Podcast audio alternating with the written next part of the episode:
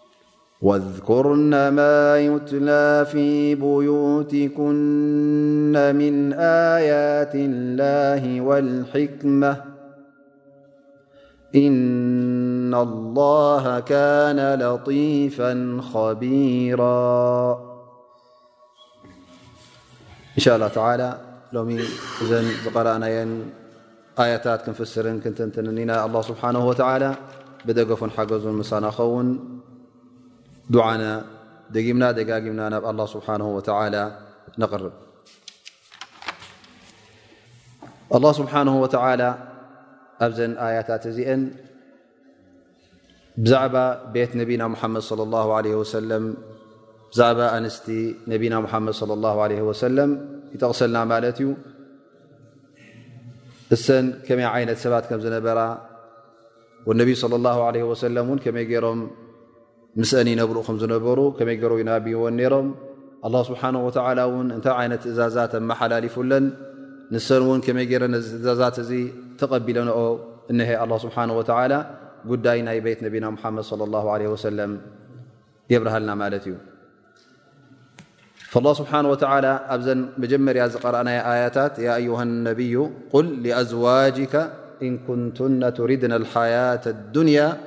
وزينتها فتعالينا أمتعكن وأسرحكن سراحا جميلا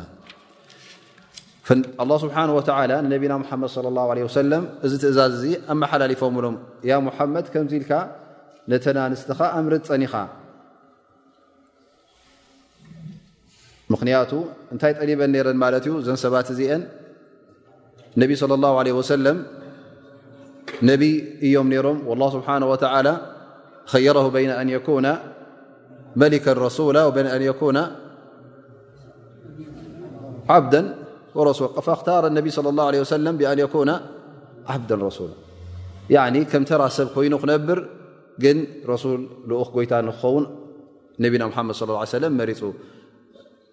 ኣላ ስብሓን ወተላ እንታይ ኣምሪጥዎ ንጉስን ረሱሉን ኣኑ ካብቶም ዝሓለፉ ኣንብያ ነይሮም ኣብ መንጎ ንግስነትን እንታይ ጠሚሮም ንግስነትን ሪሳላን ልእኽቶ ኣላ ስብሓን ወተላን ከም ነብላ ዳውድ ከም ነብላ ስሌማን እንታይ እዮም ነይሮም ማለት እዩ ክልቲኡ እዮም ጠሚሮሞ ነይሮም ማለት እዩ ላኪን ነቢ صለ ላه ለ ወሰለም ኣላ ስብሓን ወላ ንጉስን ልኡኽን ክትከውን ዶ ትመርፅ ወይስ ባርያ ታራ ባርያ ኣላ ኮንካን ልኡኽን ክትከውን ኣየና ይሕሸካ ኢሎ ኣላ ስብሓን ወላ ምስ ሰምረፆም ነቢና ሓመድ ስ ሰለም ነናይ መሪፆም ተራ ባርያ ኣላ ኮይኖም ከምኡ ውን ልኡኽ ንክኾኑ መሪፆም ማለት እዩ እዚ ምኽንያቱ ኩሉ ግዜ ትሕትና ዘለዎ ነገር ስለ ዝኾነ ኣብ ቅድሚ ኣላ ስብሓን ወላ ትሕትና ንክልዎም እሞ ከዓ ኣብቲ ህብረተሰቦም ውን ከም ተራ ሰብ ኮይኖም ክነብሩን ከም ተራ ናብራ ንክነብሩ እነቢ ለ ላ ለ ወሰለም እዛ ዱንያ እዚኣ ወላ ሓንቲ ረኺብካን ኣይረኽብካን ኩሉ ሓደ ስለ ዝኾነ ጥራይ እቲ ናይ ኣኼራ እዩ እቲ ዝያዳ ኣጅርን ቲ ዝያዳ ብልፀትን ዘለዎ ዳኣ እምበር ኣብ ኣዱንያ ተረኽቦ ኩሉ ሓላፊ ስለ ዝኾነ ነቢ ስለ ላ ለ ወሰለም እዛ ዱንያ እዚኣ ቅጭጭ ስለ ዘይበለቶም ዝናይ ኣዱንያ ይትረፈኒ ጥራይ እቲ ናይ ኣራ ይርከብ ኢሎም ነቢ ስ ሰለም ነታ ኣዱንያ እንታይ ገይሮማ ማለት እዩ ራሕሪሖማ ስለዚ እቲ እነቢ ስ ሰለም ኣብ ቤቶም እንታይ ነይሩ ማለት እዩ ዝብላዕ ነገር ዝስተ ነገር ብዙሕ ነገር ኣይነበረን ኣይኮነን ዝብላዕ ዝስተ ንነብሶም ፀጊቦም ንንስቶም ፀጊቦም ንካልእ ንክቡስ ንነብሶም እውን እኹል ኣይነበሮምን ማለት እዩ እተትክሩ ዓእሻ ረ ላ ዓንሃ እ ካነ የሞሩ ሻሃር ወላ ወርሒ ሓልፍ ነይሩ ነቢ ስ ሰለም ኣብ ገዝኦም ላ ይቀዱ ናር ብማዕና እሳት ይእጎድ ኣይነበረን ስለምንታይ እሳት ማለት ንፀብሒ ይኹን ወይ ከዓ ዝብላዕ ነገር ንክሰርሑ ይ ከመይ ጌርኩም ትነብሩ ነርኩም ኢለን ምስተሓተታ እንታይ ኢለን ኩና ነዒሹ ዓለል ኣስወዳን በተን ተምርን ብማይን ንነብር ነርና ይብላ ዓይሻ ረድ ላሁ ዓንሃ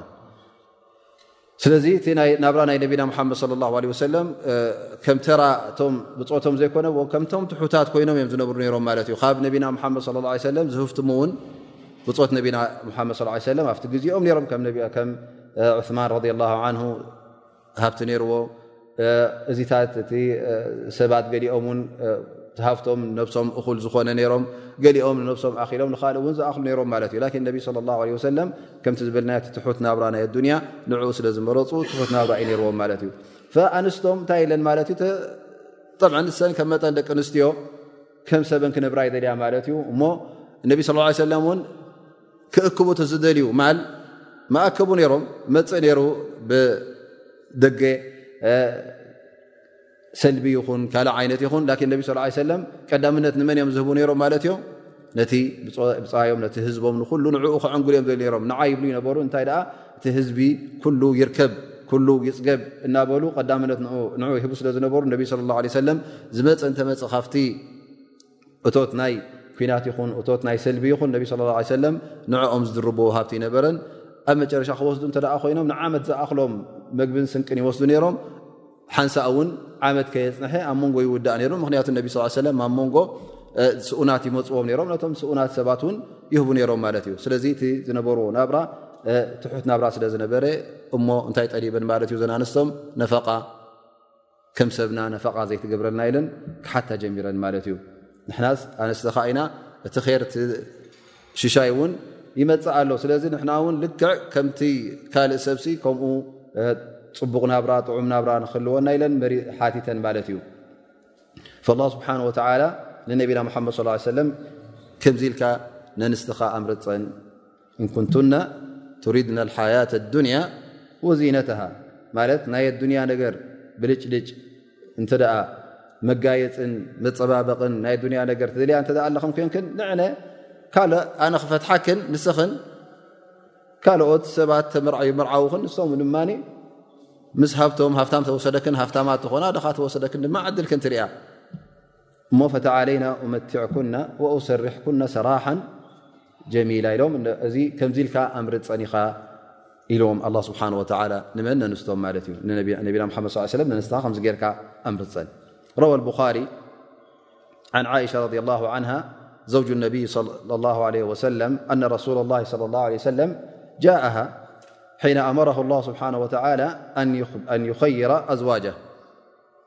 قالت فبدأ بي رسول الله صلى الله عليه وسلم - فقال إني ذاكر لك أمرا فلا عليك أن تستعجلي حتى تستأمري أبويك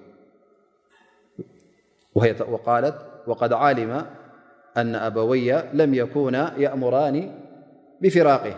قالت ثم قال إن الله تعالى قال يا أيها النبي قل لأزواجك إن كنتن تردنا الحياة الدنيا وزينتها إلى آخر الآية فقلت هي قالت ففي أي هذا أستأمر أبوي فإني أريد الله ورسوله والدار الآخرة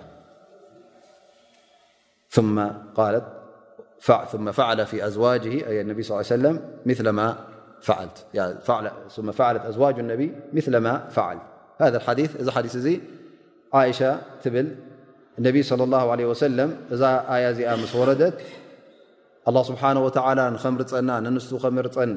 ትእዛዝ ምስ ኣመሓላለፈሉ ናብይ መጀመርያ መፅኡ ትብል ብኣይ ጀሚሩ እሞ ይብለኒ ኣነ ን ይዓእሻ ዘረባ ክዛረበ ክደሊ ኣለኹ እሞ እዚ ዘረባ እዚ እውን ኣይትተሃወ ክቀልጢፍ ክመልሲ እውን ሃብኒ ኣይብለኪን እየ ነቦኺ ነዴኺ ውን ወለድኺ ኣማኽርዮም ኢኺ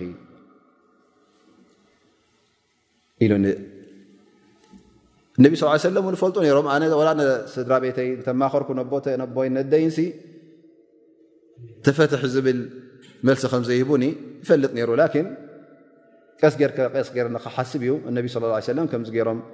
ሓቲቶም ትብል ማለት እዩ ነዛ ኣያ እዚኣ ቀሪኦም ለ ያ ዩ ነብዩ ቁ ኣዝዋጅካ እንክንቱና ትሪድ ሓያት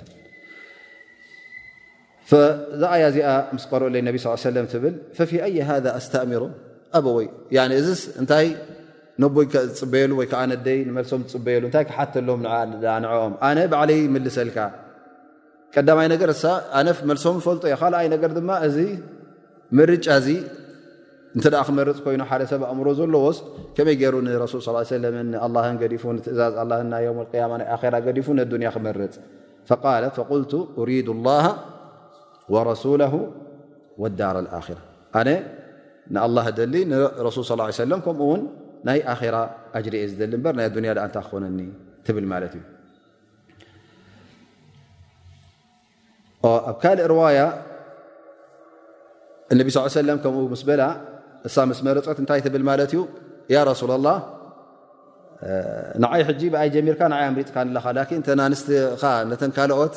ምስከትካየን ኣይትንገረን ኢኻ ዓይሻ እንታይ ኢላ ተኢለናኻ ኣይትንገር ኢኻ ሽሙ ሕጂ ምናልባሽ ሓደ ክልተ ገለ ተጎደላላ ኢለ ሓሲባ ትኸውን ን ተራ ማለት እዩ ዘርእካ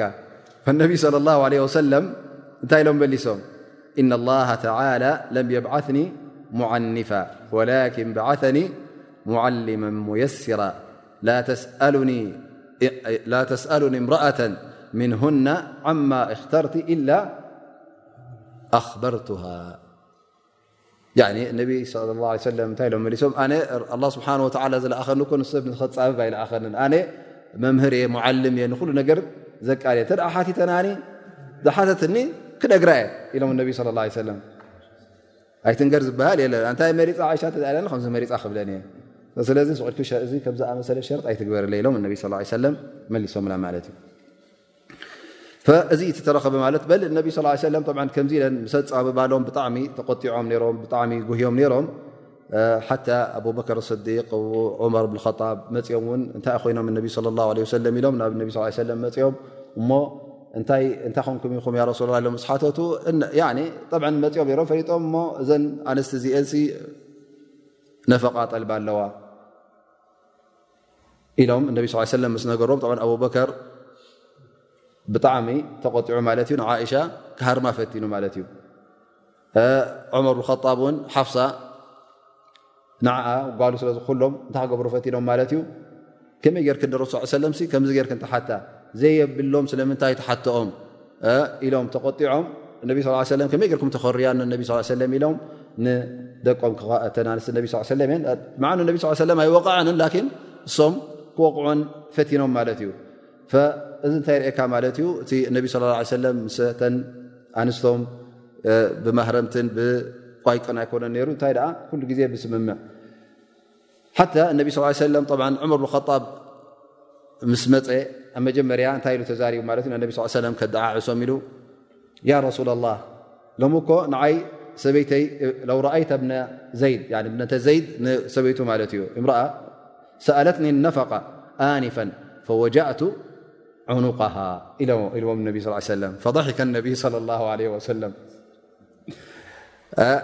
ረሱላ ላ ሎመዓልቲ ሓንቲ ካብተ ኣንስተይ ወይከዓ ሰበይተይ ብንቲ ዘድ ነፈቓ ሓቲታትን እሞኒ ክሳዳ ሴረያ መፅ ነቢ ለ ላ ሰለም እቲ ጉዳይ ኣስሒቕዎም ማለት እዩ ኣነ ውን ትርኤየኒ ኣለካ ዘና ኣንስተይ ን ከምኡ ብላኒ ኣለዋ ኢሎም ነቢ ስ ሰለም ሽዑ ክዛረቡ ጀሚሮም ማለት እዩ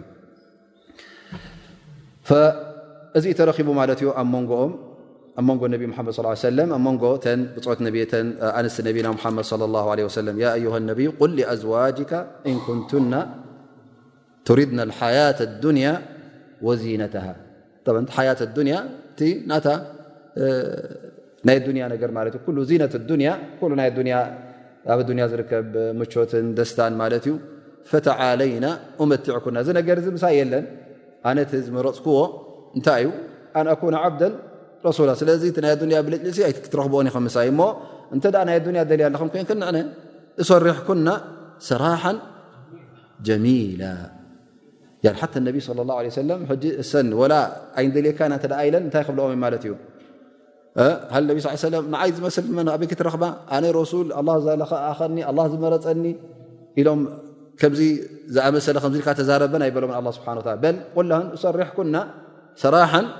ጀሚላ ኣ ኣስለ እዚ ነገር እ እዚ ጉዳይ ዚ ናይ ምንታይ ጉዳይ እዩ ናይ ኢማን ጉዳይ እዩ እንተ ናይ ረሱልን ናይ ኣላን ደልያ ኮንክን ናይ ኣራ ደልያ ተ ኮንክን እዚ ብንያብ መሪጽካ ኢኻ እምበረ ተገዲድካ ትገብሮ ጉዳይ ኣይኮነን እሞ ኣነ ብሰላም ከፋንወክን እመትዕኩና እመትዕኩና ማለት እንታይ ማለት እዩ ኣስለን ዑጢኩና መታዕ ዝከኣለኒ ሂበ ሓታ ነቢ ስ ሰለም ክሰድዋ ከለዉ ክጥልቕዎን ከለዉ ሃሪሞም ኣይኮኑን ክጥልቕዎን ገሪፎም ኣይኮኑን ክጥልቕዎን ወይ ከዓ እቲ ምስአን ዝነበረ ኣሕዲጎም ገለ ሰባት ክጥልቑ ከለዉ ኩሉ ንብረታ ቅንጥጣ ማለት እዩ ናቱን ዘይናቱን ቀንጢጡ ሰጓ ካብ ገዛ ነቢ ስ ሰለ እመትዕኩነ ወእሰርሕኩነ ሰራሓ ጀሚላ ጠላቕ ክርከብ እተ ኮይኑ ኣብ ዝኾነ ይኹን ገዛ ዘይርከብ ነገር ኣይኮነን ላ ስብሓን ወተላ ኣድላይ ስለ ዝኾነ ሓላል ገይርዎ ኣላ ስብሓን ወተላ ፈማዕና ሊክ ክትፋኖ እንተ ኮንካ ምስታ በዓልቲ ቤትካ እንተ ብሓደ ክትነብሩ ዘይከኣል እንተ ኮይኑ ኣብ ዕፁ መገዲ እንተ በፂሕኩም ሰሪሓ ሰራሓን ጀሚላ ብለት ሂ ኣሕሰን ብሰላም ትፋኖ ማለት እዩ ብሰላም ትገላገል ትሕውነት ናይ እስልምና ክጠፍእ የብሉን ገለ ሰባት እንተ ምስ ተፋትሖም ምስ መን ይፃላእ ምስ ሓዋ ምስ ኣቦኣ ምስ ኣኮኣ ምስ ኩሉ ሰብ እቲ ምስ ርክብ ዘለዎ ይፃላእ ማለት እዩ ነፍሰ ሸ እሶም ውን ቶም ስድራ ቤታ ንዕኡ ይፀልእዎ ንኣሕዋቱ ንሓወቦታቱ ነብኡ ንገለ ንኩሉ ይፃላእ ማለት እዩ ምክንያቱ እንታይ ማለት እዩ መብዝሕቲ ግዜ ብምንታይ ስለ ዝፋትሑ ብህውከት ብፀርፍን ብሕማቕ ዘረባን ኣብኡታት ስለ ዝበፅሕ እቲ ነገር ኣብ ምንታይ ይኸውን ማለት እዩ ኣብ ከምዚ ፅልኢ ይበፅሕ ማለት እዩ ላኪን እንተ ክትፋታሕ ኮይንካ እወቲ መጀመርያ ምናልባሽ ርከብ ኸውን ዘይምስማዕ ብስንኪ ዘይምስማዕ ኢኻ ትፋታሕ ዘለኻ ላኪን ፍጁር ክህሉ የብሉን ፅልኢ ዘይድሊ ፅልኢ ክህሉ የብሉን ብሰላም ክትፋኑ ኣለካ ማለት እዩ ፈሁና ኣብዚ እንታይ ንርዳእ ከምቲ ፋይዳታት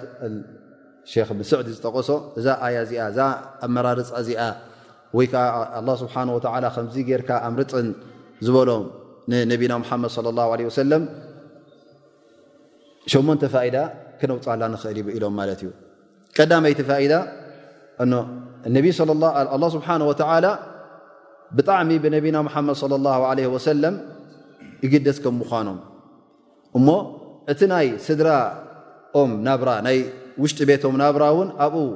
ዘሸግር ነገር ዘፃብብ ነገር ክህልዎም ኣላ ስብሓን ወተዓላ ኣይደለየን ነዚ ነገር እዚ ኣላ ስብሓን ወተዓላ ከፅርየሎም ስለ ዝደለየ እዛ ኣያ እዚኣ ኣላ ስብሓን ወተዓላ ኣውሪዱ ምእንቲ ብሰላም ንክነብሩ እነቢ ስለ ላ ለ ወሰለም ወላ ስብሓን ወተዓላ ብባሪኡ ብሙሓመድ ስለ ላ ሰለም ከም እተገደሰ እተርኢ ኣያ ይብሉ ማለት እዩ እዚኣ እታ ቀዳመይቲ ፋይዳ ካልኣይቲ ፋይዳ እውን ነቢ صለ ላه ለ ወሰለም በዚ ምርጫ ዝሃብዎ ነዘን ኣንስቶም እዚኦም ብድሕሪ ሕጂ ካብ ክእለቶም ንላዕሊ ዝኾነ ይኹን ዓይነት ነፈቓ ንኽጠልባ ዘን ሰባት እዚአን ሓላፍነት ከም ዘይብሎም ኢዘን ፈህዋ የብቃ ሑሩ ነፍሲሂ ያኒ ናፃ ክኾኑ ነቢ ስለ ላ ለ ወሰለም ካብቲ ሕቁቅ ዘውጃ ዝበሃል ዝጠልብኦ ዝነበራ ሕጂ ይመርፃ ኣለዋ የምርፅዎን ኣለዉ ነቢ ስ ሰለም እሞ ብድሕሪ ሕጂ እንታይ ክኾና ማለት እዩ እቲ ጉዳይ ብምርጭዐን እየን ኣትየንኦ ማለት እዩ ኣይተገደዳ ኣየበላ ስለዚ ድሕሪ ሕጂ ነቢና ሓመድ ለ ላ ሰለም ናፃ ይኾኑ ማለት እዩ ከምኡ ውን በዚ ኣያ እዚ እንታይ ርእና ማለት እዩ ንነቢ ኣላ ስብሓን ወተላ ንነቢና ሙሓመድ ስ ሰለም ተናንስቶም ኩለን ካብ ናይ ኣዱንያ ነገራት ፍቕሪ ናይ ኣዱንያ ርሑቓት ከም ምዃነ የርእና ማለት እዩ እዚ እንታይ እዩ ንነቢና ሙሓመድ ለ ላ ለ ወሰለም እውን የፅርዮም ኣሎ ማለት እዩ እተን ምስኦም ዝነበራ ኣንስቲ ናይ ኣዱንያ ኣንስቲ ከም ዘይኮና እንታይ ደኣ ንኣራ ከም ዝደልያ እየን ዝርእና ማለት እዩ እ እዚ ምርጫ እዚ ሕጂ ሰን ምክንያቱ ካብ ኣዱንያ ንኣራ ስለ ዝመረፃ ንነቢና ሓመድ ለ ላ ሰለ ስለ ዝመርፃ ትእዛዝ ኣላ ስብሓን ወተላ ስለ ዝመረፃ እዚ እንታይ ርእካ ማለት እዩ እተን ምስኦም ዝነበራ ምስ ነቢና ሓመድ ለ ላ ለ ወሰለም ንዱንያ ትመርፅ ሰበይቲ ከም ዘይነበረቶም ከምኡ ውን ዘና ንስቲ እዚኤን ኣላ ስብሓን ወተላ እንታይ ርእየና ኣሎ ማለት እዩ ካብ ዝኾነ ይኹን ጌጋን ጥፍኣትን ካብኡ ከፅርኤን ከም ዝደለየ ኣላ ስብሓን ወተላ ካብኡ ናፃ ከም ምዃነን ንሰን እውን ካብቲ ንነቢና ሓመድ ስ ሰለም ዘቆጥዕ ካብቲ ንኣላ ስብሓን ወተላ ዘቆጥዑ ነገር ጌጋታት ገበናት ካብኡ ነፃ ከም ዝኾና እውን የርእየና ማለት እዩ ከምኡውን ካብቲ እንወስዶ ፋይዳ ራብዓይ ፋይዳ እውን እዚ እንታይ ይርእየና ማለት እዩ እቲ ደረጃ ናይተን ኣንስቲ ነቢና ሙሓመድ صለ ላ ለ ወሰለም ልኡልን ክቡርን ደረጃ ከም ዝነበረ ምክንያቱ ንሰን ክቡር ነገራት ስለ ዝመረፃ ናይ ኣራ ስለ ዝመረፃ ንዱንያ እውን ስለ ዝጠንጠና እዚ እንታይ ይርእየና ማለት እዩ እቲ ደረጃአን እውን ልዑል ደረጃ ከም ምኳኑ ይርእየና ማለት እዩ ከምኡ ውን ሓሙሻይ እዘን ሰባት እዚአን በዚ ምርጭኤን እዚ እቲ ዝለዓለ ደረጃ ናይ ጀና ንኽረኽባ ድልዋት ከም ምዃነን ምኽንያቱ እዚ ናተን ምርጫ እዩ ናተን እየን መሪጸንኦ እሞ ኸኣ እቲ ዝለዓለ ናይ ጀና ደረጃ ምስ ነቢና ሙሓመድ صለ ላه ሰለም ኣብ ኣዱንያ ኣንስቶም ነይረን ኣብ ኣኼራ እውን ኣንስቲ ነቢና ሙሓመድ صለ ላه ሰለም ንክኾና ድልዋት ከም ምዃነን ድልውነተን ኣላ ስብሓን ወተዓላ የርእየና ኣሎ ማለት እዩ ከምኡ ውን ካብቲ ፋይዳ ንወስዶ ኣብ መንጎ ነቢና ሓመድ صለ ላه ለ ወሰለምን ኣብ መንጎ ኣንስቶም ውን እውን ዓብዪ ምውህሃት ከም ዝነበረ ማለት ክልቲኦም ነቢ ለ ላه ለ ሰለም ይኹን እቲ በፂሖሞ ዝነበሩ ደረጃ ናይ ወዲ ሰብ ደረጃ ምሉእነት በፂሖም ነይሮም ንሰን እውን በዚ ምርጫ እዚ እተን ዝበለፃ ኣንስትን ካብቲ ኣብቲ ግዜ እቲ ዝነበራ ኣንስቲ ምሉእነት ዝነበረ ኣንስቲ ከም ምዃነን የርእየና ማለት እዩ ዙ ሁና ተظሃረ ሙናሰባ በይነ በይነሁን ማለት እቲ ደረጃ ናቶም ናይ ነቢና ሓመድ صለ ላه ለ ሰለም ንዱንያ ገዲፍካ ናይ ኣራ ጥራይ ንምስራሕ ስለ ዝነበረ ከምቲ ዝበልናዮ እውን እነቢ صለ ه ለ ሰለም እክታረ ኣን የኩነ ዓብደ ረሱላ እሰን እውን ኣራ መሪፀን እዱንያ ኩሉ ከም ዝጠንጠና ምስ ኣርኣየና ነቢና ሙሓመድ ስ ሰለ ኣንስቶምን እቲ ናቶም ምውህሃድ ከመይ ከም ዝነበረ የርእና ማለት እዩ ከምኡ ውን እዚ ምርጫ እዚ ንገዛእ ርእሱ ኣብ ቐናዓን ኣብ ርግኣትን ኣብ ህድኣትን ዘብፅሕ ከም ምዃኑ ኩሉ ግዜ ሓደ ሰብ እንተ ሓደ ጉዳይ ክኣትዎ ኮይኑ ባዕሉ ብድልቱ መሪፁ እተ ኣትዎ ብድሕሪ ሕጂ ኣይጣዓስን እዩ ብድሕሪ ሕጂ እውን ኣይሽገርን እዩ ባዕሉ ስለ ዝገበሮ ባዕሉ ስለ ዝመረፆ እንታይ ክኸውን ማለት እዩ ኩሉ ግዜ ርግኣትን ህድኣትን ክስምዖ እዩ ከ ምን ፈዋኢድ ሃ ኣያ ካብቲ ፋይዳ ናይዚ ኣያ እዚኣ እውን ኣላ ስብሓን ወተላ እዚ ኣመራርፃ እዚ ንዐዐን እንታይ ክኾነን እዩ ዝያዳ እቲ ኣጅሪ ናተን ንክበዝሓለን ስለ ዝደለዩ ኣላ ስብሓን ወተዓላ ስለ ዝደለየ ነዚ ጉዳይ እዚ እውን ወላ እውን ቅድሚ ሕጂ እውን ነብረኦ ነይረን ላኪን ብድሕሪ እዚ እውን ባዕለን መሪፀን ክኣትዎ ከለዋ እንታይ ዝርእየካ ማለት እዩ እዚ እቲ ዝጠለበኦ እቲ ዝደለየኦ ናይ ኣራ ናይ ነቢና ሓመድ صለ ه ሰለም ስለ ዝኾነ ብድልየተን ተኣጅረ ናተን እውን ክውስኽን ክዛይድን ከም ምዃኑ እሀ የርእየና ኣሎ ማለት እዩ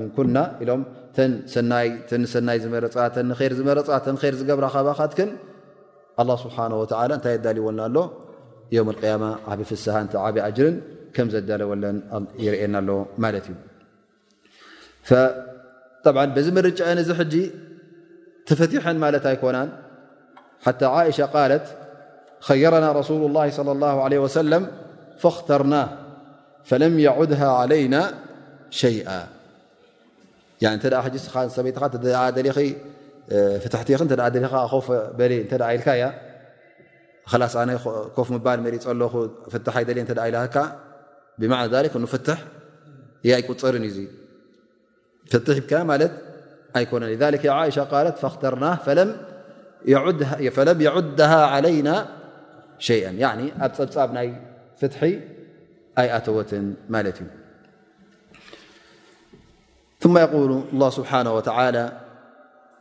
يا نساء النبي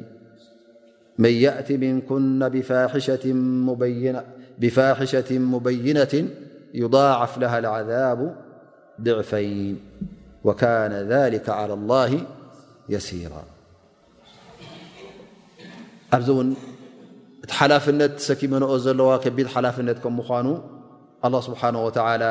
የብርሃለና ኣሎ ማለት እዩ ካብዚ ኣያ እዚኣ ኣላ ስብሓን ወተላ ንንስቲ ነቢና ሙሓመድ ለ ላ ለ ሰለም ፀዊዑ መጠንቀቕታ ይህበና ኣሎ ማለት እዩ ኣንትን ኣንስቲ ነቢይ ዝኾንክን እሞ ኸዓ ንስኽን ንኽትመርፃ ተጠየቕክን እሞ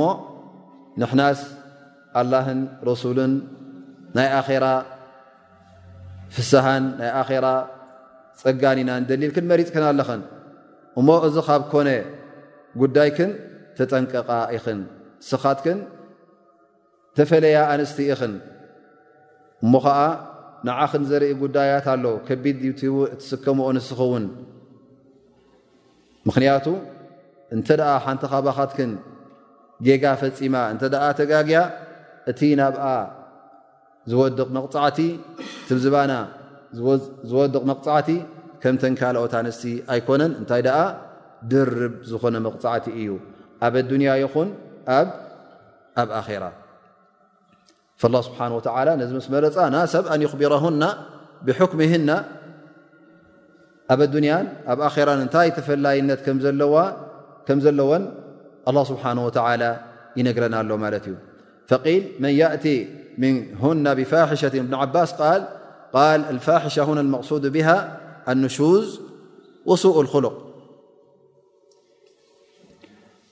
ወፈሰረሃ ባዕዱ ዑለማእ ብኣይ ፋሒሸ ብዝኾነ ይኹንቲ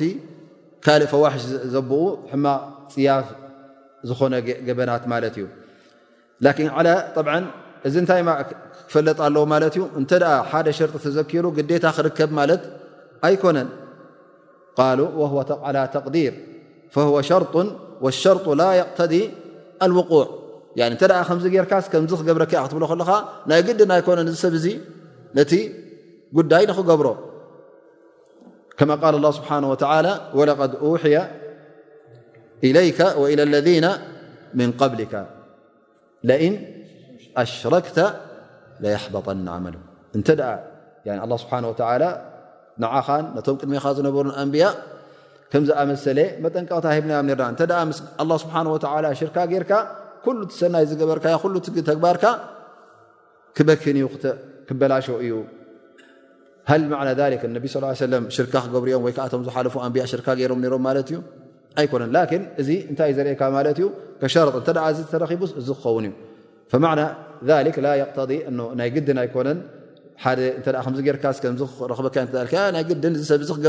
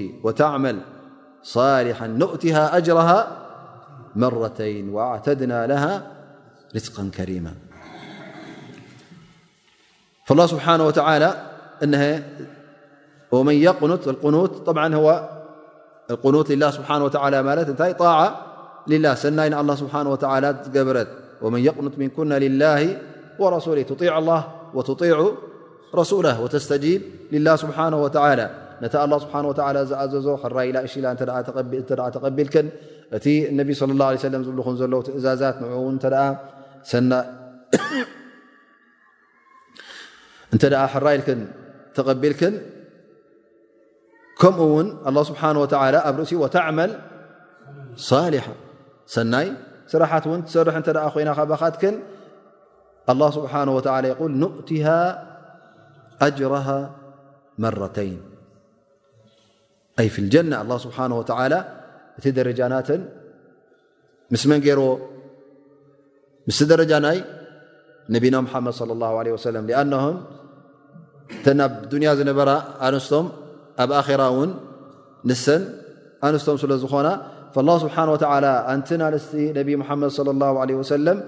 እንተ ካብቲ ማዕስያታት ካብቲ ሕማቕ ነገራት ተገላጊልክን እሞ ከዓ ሰናይ እተ ጌርክን ኣላ ዝኣዘዘክን ነቢ ሙሓመድ ስ ሰለም ዝበለክን ሰናይ ተግባራት ኩሉ ብዝከኣለክን እተ ፈፂምክን ኣላ ስብሓን ወተላ እቲ ኣጅርኽን ድርብ ኣጅሪ ክገብረልክን እዩ ከምተን ካልኦት ኣንስቲ እውን ጥራይ ከምቶም ካልኦት ሰባት እውን ሓንቲ ኣጅሪ ብሓንቲ ተሓሲባ ድሕሪኡ ኣብ ዓሰርተ ትድረብ ኣይኮነትን ኢነማ ብመጀመርያ ኣብ ክልተ ትድርብ ማለት እዩ ድሕሪኡ ኣብ ዓሰርተ ክትድርብ ማለት እዩ ወኣዕተድና ለሃ ርዝቃ ከሪማ ኣላ ስብሓን ወተዓላ ክቡር ዝኾነ ሽሻያት እውን ኣብ ዮም ኣልቅያማ ተዳልልውለን ከም ዘሎ ነተን ኣንስቲ ነቢና ሙሓመድ صለ ላ ለ ወሰለም የርእየና ማለት እዩ ፈዘንቲ ደረጃ ናተን በቲ ሰናይ ተግባራተን ልኡል ደረጃ ክረኽባ ከም ምዃነን ናብቲ ናይ ነቢና ሓመድ ص ሰለ ደረጃ ዘብፅሕ ምክንያቱ ንሳተን ከምቲ ዝበልናዮ ኣንስቲ ነቢና ሓመድ ص ሰለ ኣብ ኣዱንያ ከምኡ ውን ኣብ ኣራ ኣንስቶም ስለ ዝኾና ነዚ ደረጃ እዚ ንክበፅሓ ኣላ ስብሓን ወተላ ቃል ኣትዮምለን ማለት እዩ ኣ ስብሓ ወ ቃል ኣትዩለን እዩ ነዘን ኣንስቲ ነቢና ሓመድ ለ ለ ወሰለም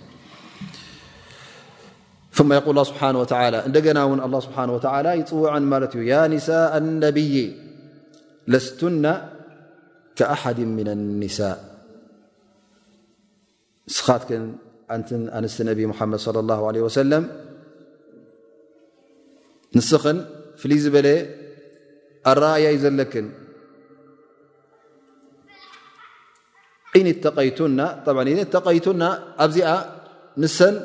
ብ ተቕዋ ካብኣ ንድለ እዩ ላን ሃል ማዕና ሊክ ጥራይ ንሰን እየን ተቕዋ ዝድለ ካብአን ተን ካልኦት ኣንሰ ኣየድልን እዩ ካብአን ከምኡ ትርዳእ የብልካን ዋ ምንባ ብኣውላ እውን ዝያዳ እውን ትካልእ እውን ተቕዋ የድልዮ እዩ ላን ሰን ብዝያዳ ከምቲ ዝበልናዮ እቲ ኣብ ዝባነን ዝወርድ መቕፃዕቲ እንተ ተጋግየን ከቢድ ከም ምኳኑ ዓብ ሓላፍነት ከም ዘለዎን ሰናይ እተ ገይረን እውን ስብሓ ወላ ድርብ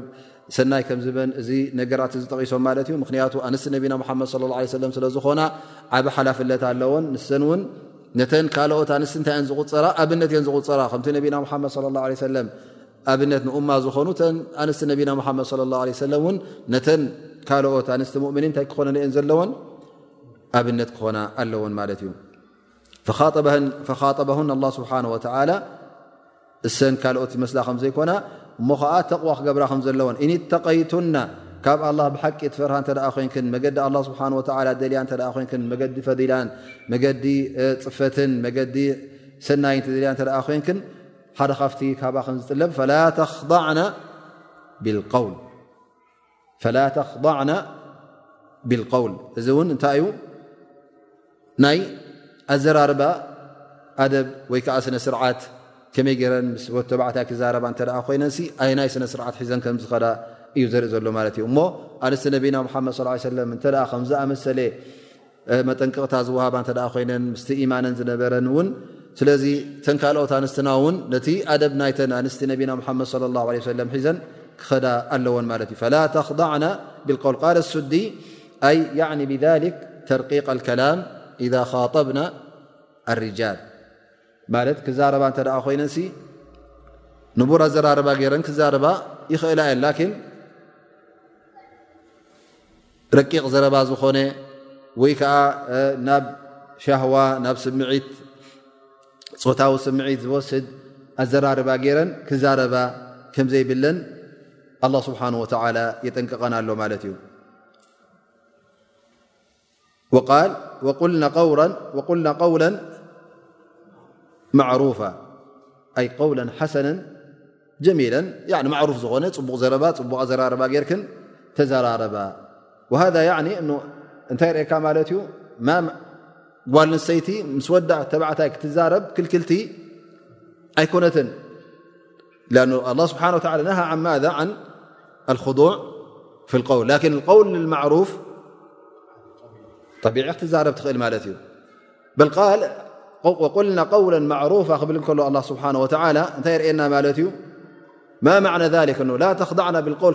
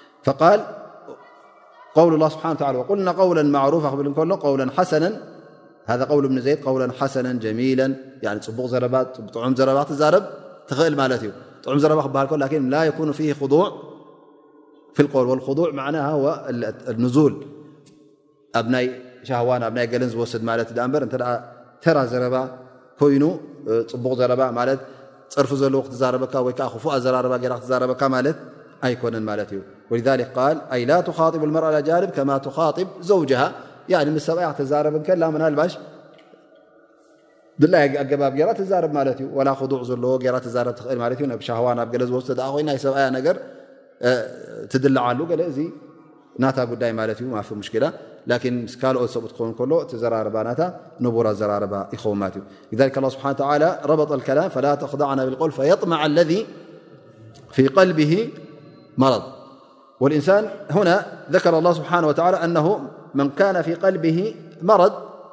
معنى ذلك ليس كل إنسان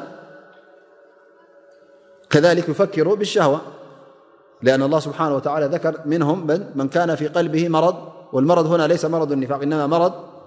قالو مرض الشهوة لكن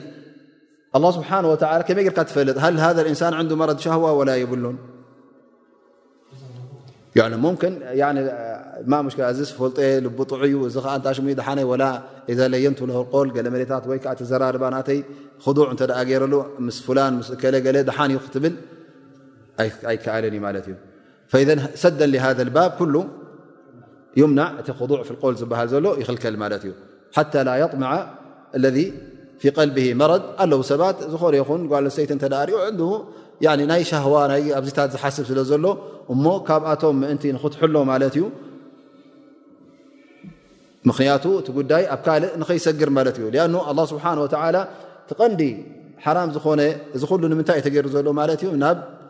እቲ ናይ ምንዝርናን ዝምውናን ንኸይብፃሕ ማለት እዩ ናብኡ ንኸይብፃሕ ኣ ስብሓ ወላ እንታይ ገይሩና ማለት እዩ ብረትን መከላኸልን ዝገበሮ ማለት እዩ ሓደ ካብቲ መከላኸሊ እሀ ጓል ንሰይቲ ኣብቲ ዘራርባ ኣ ምናልባሽ ገለ ሰባት ብድምፂ ሻህዋ ናቱ ይለዓሎ ማለት እዩ እዛ ሰብ እዚኣ ክትዛረቡ ከላ እቲ ኣዘራርባ ናታ እተ ንቡር ኣዘራርባ ዘይኮነ ናይ ሻዋ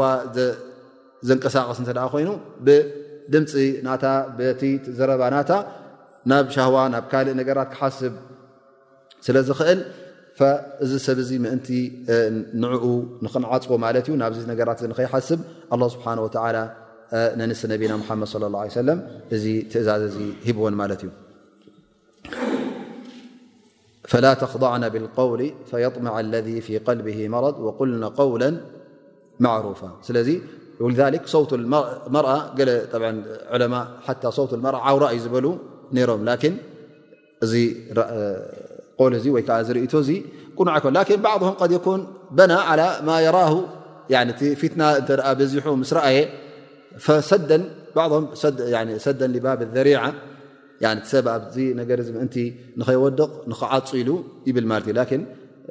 ኒሳ ነቢ ብድሕሪ ነቢና ሓመድ ስ ሰለም ምስቶም ኣስሓብ ነቢ ይዛረባ ነረን ነቢ ስ ሰለም ከምዚ ኢሎም ከምዚ ኢሎም መሊሰሎም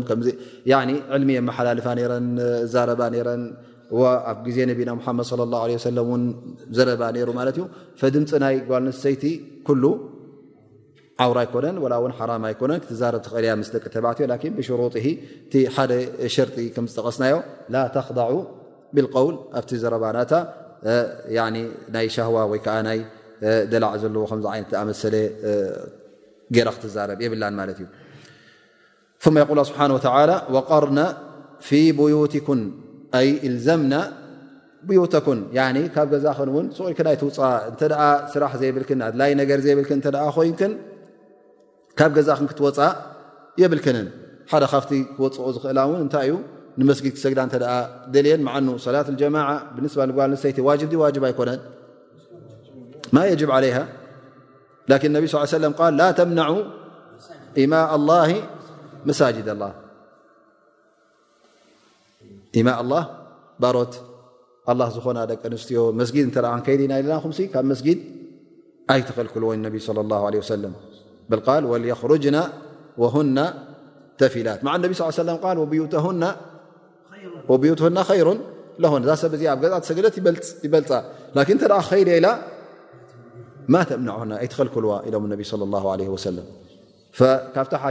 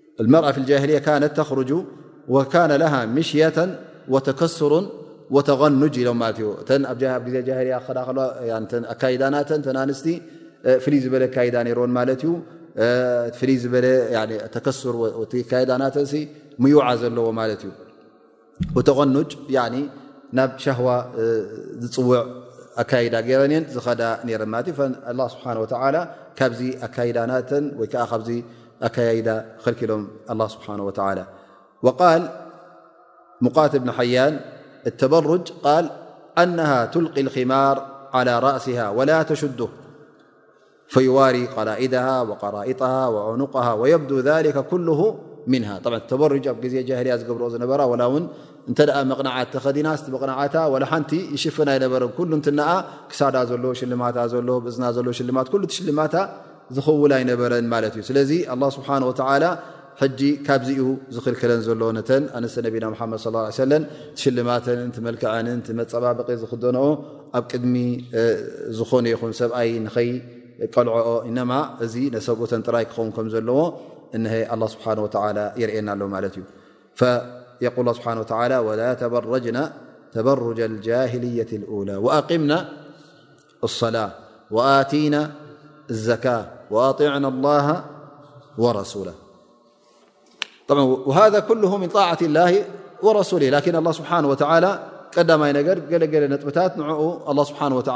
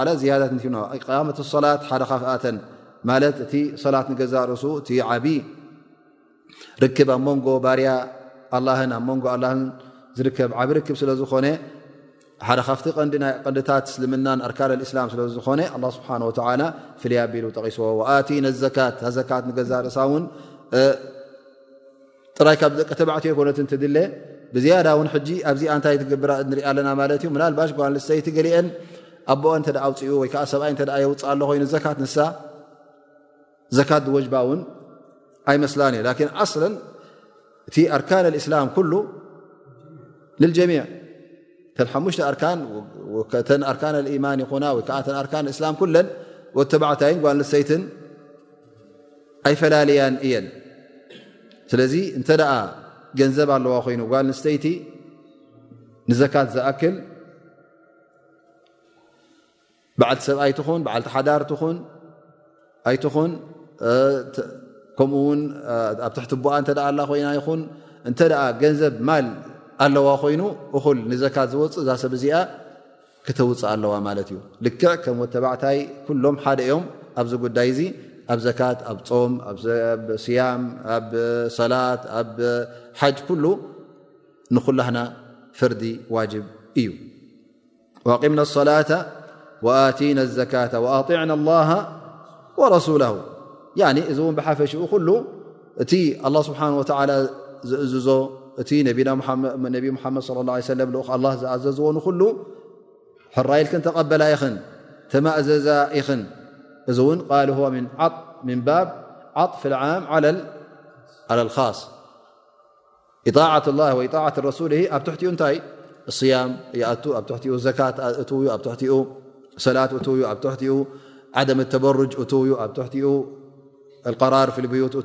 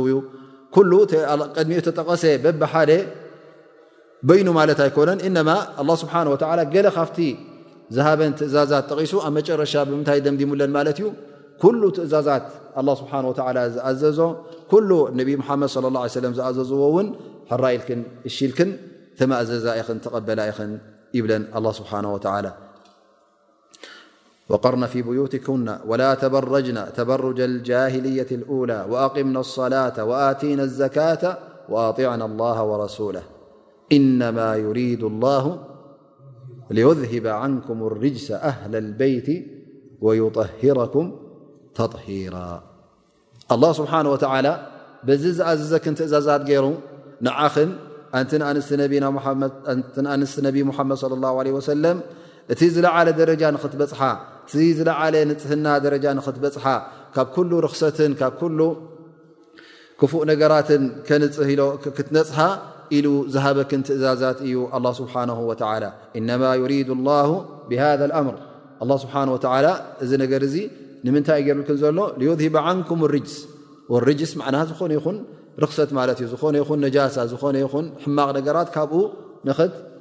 ርሕቃ ካብኡ ንኽትነጽሃ ኣ በቲ ኣላ ስብሓን ወላ ዝኣዘዘን እንተ ከይደን ኩሉ ትእዛዛት ኣላ ስብሓን ወላ ዝሃበን ሕጂ ንዕአን እንታይ ዝህብ ማለት እዩ ዓብዪ ደረጃን ንዓብዪ ንፅህናን ዝህብ ማለት እዩ ወዩጠሂረኩም ተጥሂራ ጠብዓ እዛ ኣያ እዚኣ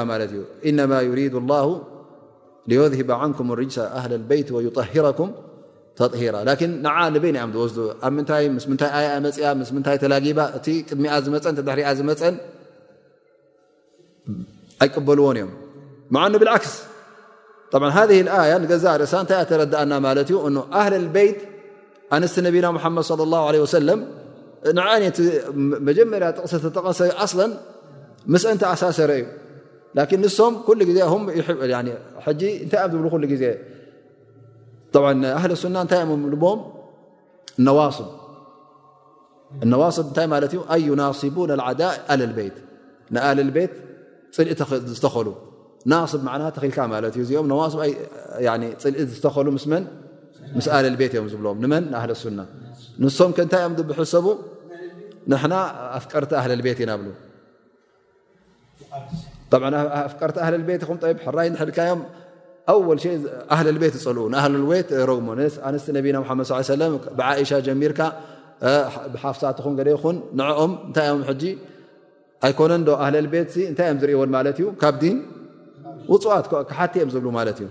والله سبحانه وتعالى نآل البيت نتنانس نبينا محمد صلى اله عليه وسلم تغيس قال إنما يريد الله ليذهب عنكم الرجس أهل البيت ويطهركم تطهيرا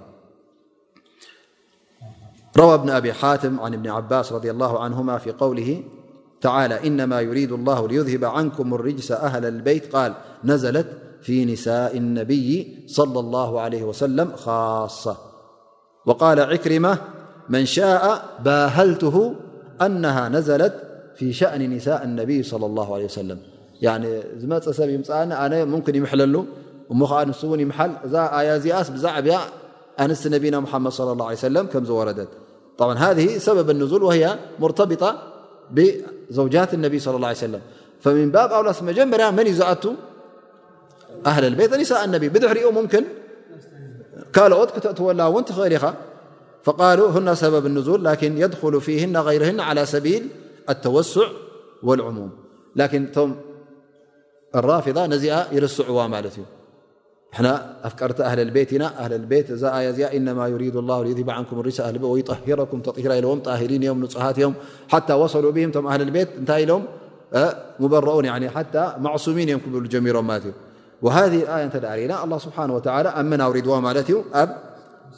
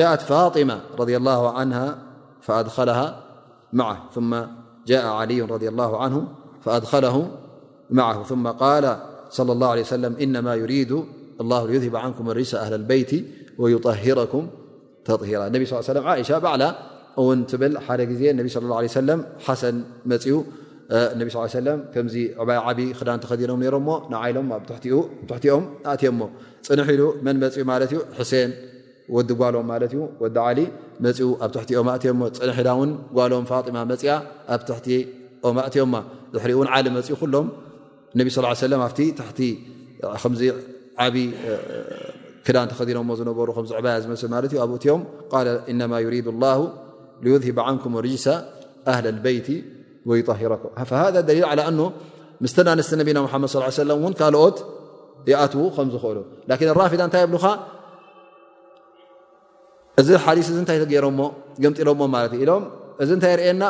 ኣነስቲ ነቢ ስ ሰለ እትዋት ከም ዘይኮና በዚ ሓዲስ እዚ ይጥቀሙ ማለት እዩ ኣይዋ እሶም እማ ኣብየድ ወማ ተኣያ ከንታይ ኢላ ተኣያ ንገዛእ ርእሳ ብዛዕበአን እያ ወሪዳ ወነቢ ስለ ላ ሰለም እዚ ዝገበሮ ጥራይ እዚኦም ማለት ኣይኮኑን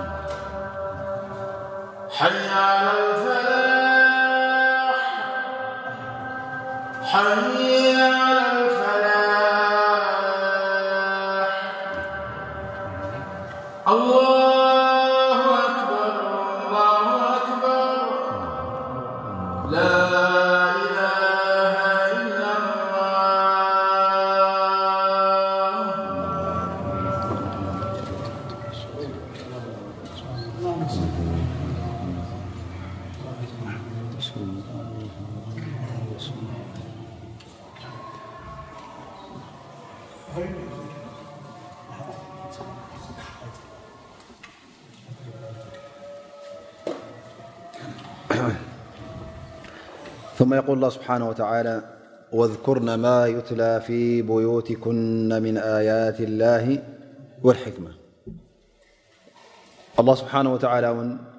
በቲ ኣብቲ ቤትክን ዝወር ዘሎ ኣያታት ብኡ ስርሓ ይኽን ኣይ ወዕመልና ብማ ዩነዝል ላ ስብሓን ወተላ ዓላ ረሱሊ ፊ ብዩትኩን ኣላ ስብሓን ወተላ እቲ ቁርን ናብ ነቢና ሙሓመድ ለ ላ ለ ሰለም እዩ ዝወርድ ነይሩ ማለት እዩ ሞዚ ኣያታት እዚ ኣብ ቤትክን ዝወር ዘሎ እዩ እሞ ብኡ ስርሓ ይኽን በቲ ቃል ኣላ ስብሓን ወተላ ከምኡ ውን ኣልሕክማ ቃሉ እነሃ ሱነቱ ነቢይ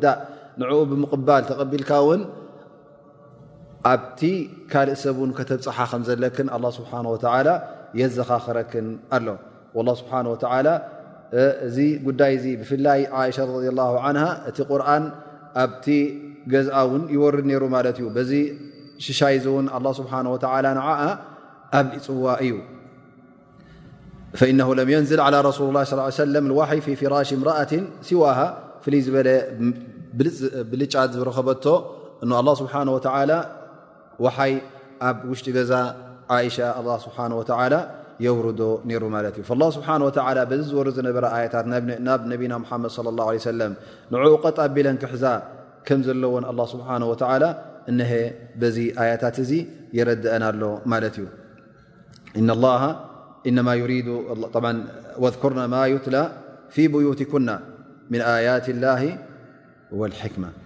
እዚ ኩሉ ምዝካር ክበሃል ከሎ ሕጂ ኣዚክራ ጥራይ ምስማዕ ማለት ኣይኮነን እንታይ ደኣ ሰሚዕካን ምትግባርን ማለት እዩ ምፅናዕን ማለት እዩ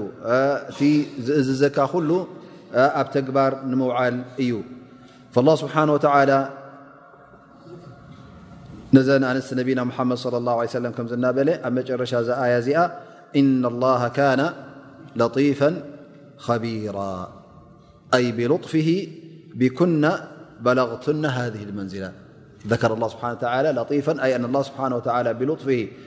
እቲ ናትክን ነገር ኩሉ በቲ ዝፈልጦ ብኣኻትክን እሱ ኣላ ስብሓን ወተዓላ ኣብዚ ደረጃ እዚ ኣብፂሖክን ኣሎ ማለት እዩ ላ ስብሓን ወተዓላ ንዓኽን ሂብኩን ዘሎ እቲ ሽሻይ ፍለጦኦ ይኽን እቲ ተዋሂብክንኦ ዘለኽን ሰናይ ብፍልጠት ኣላ ስብሓን ወተዓላ ብድልት ኣላ ስብሓን ወተዓላ ይኽን በፅሕክንኦ ንዓኽን ፍልይ ኣቢሉ መሪፁክን እሞ እሞ ተመሪፅክን ካብ ሃለኽን እዚ ምርጫ ዝረኺብክንኦ ካብ ሃለኽን ንጎይታ ኣመስግና ይኽን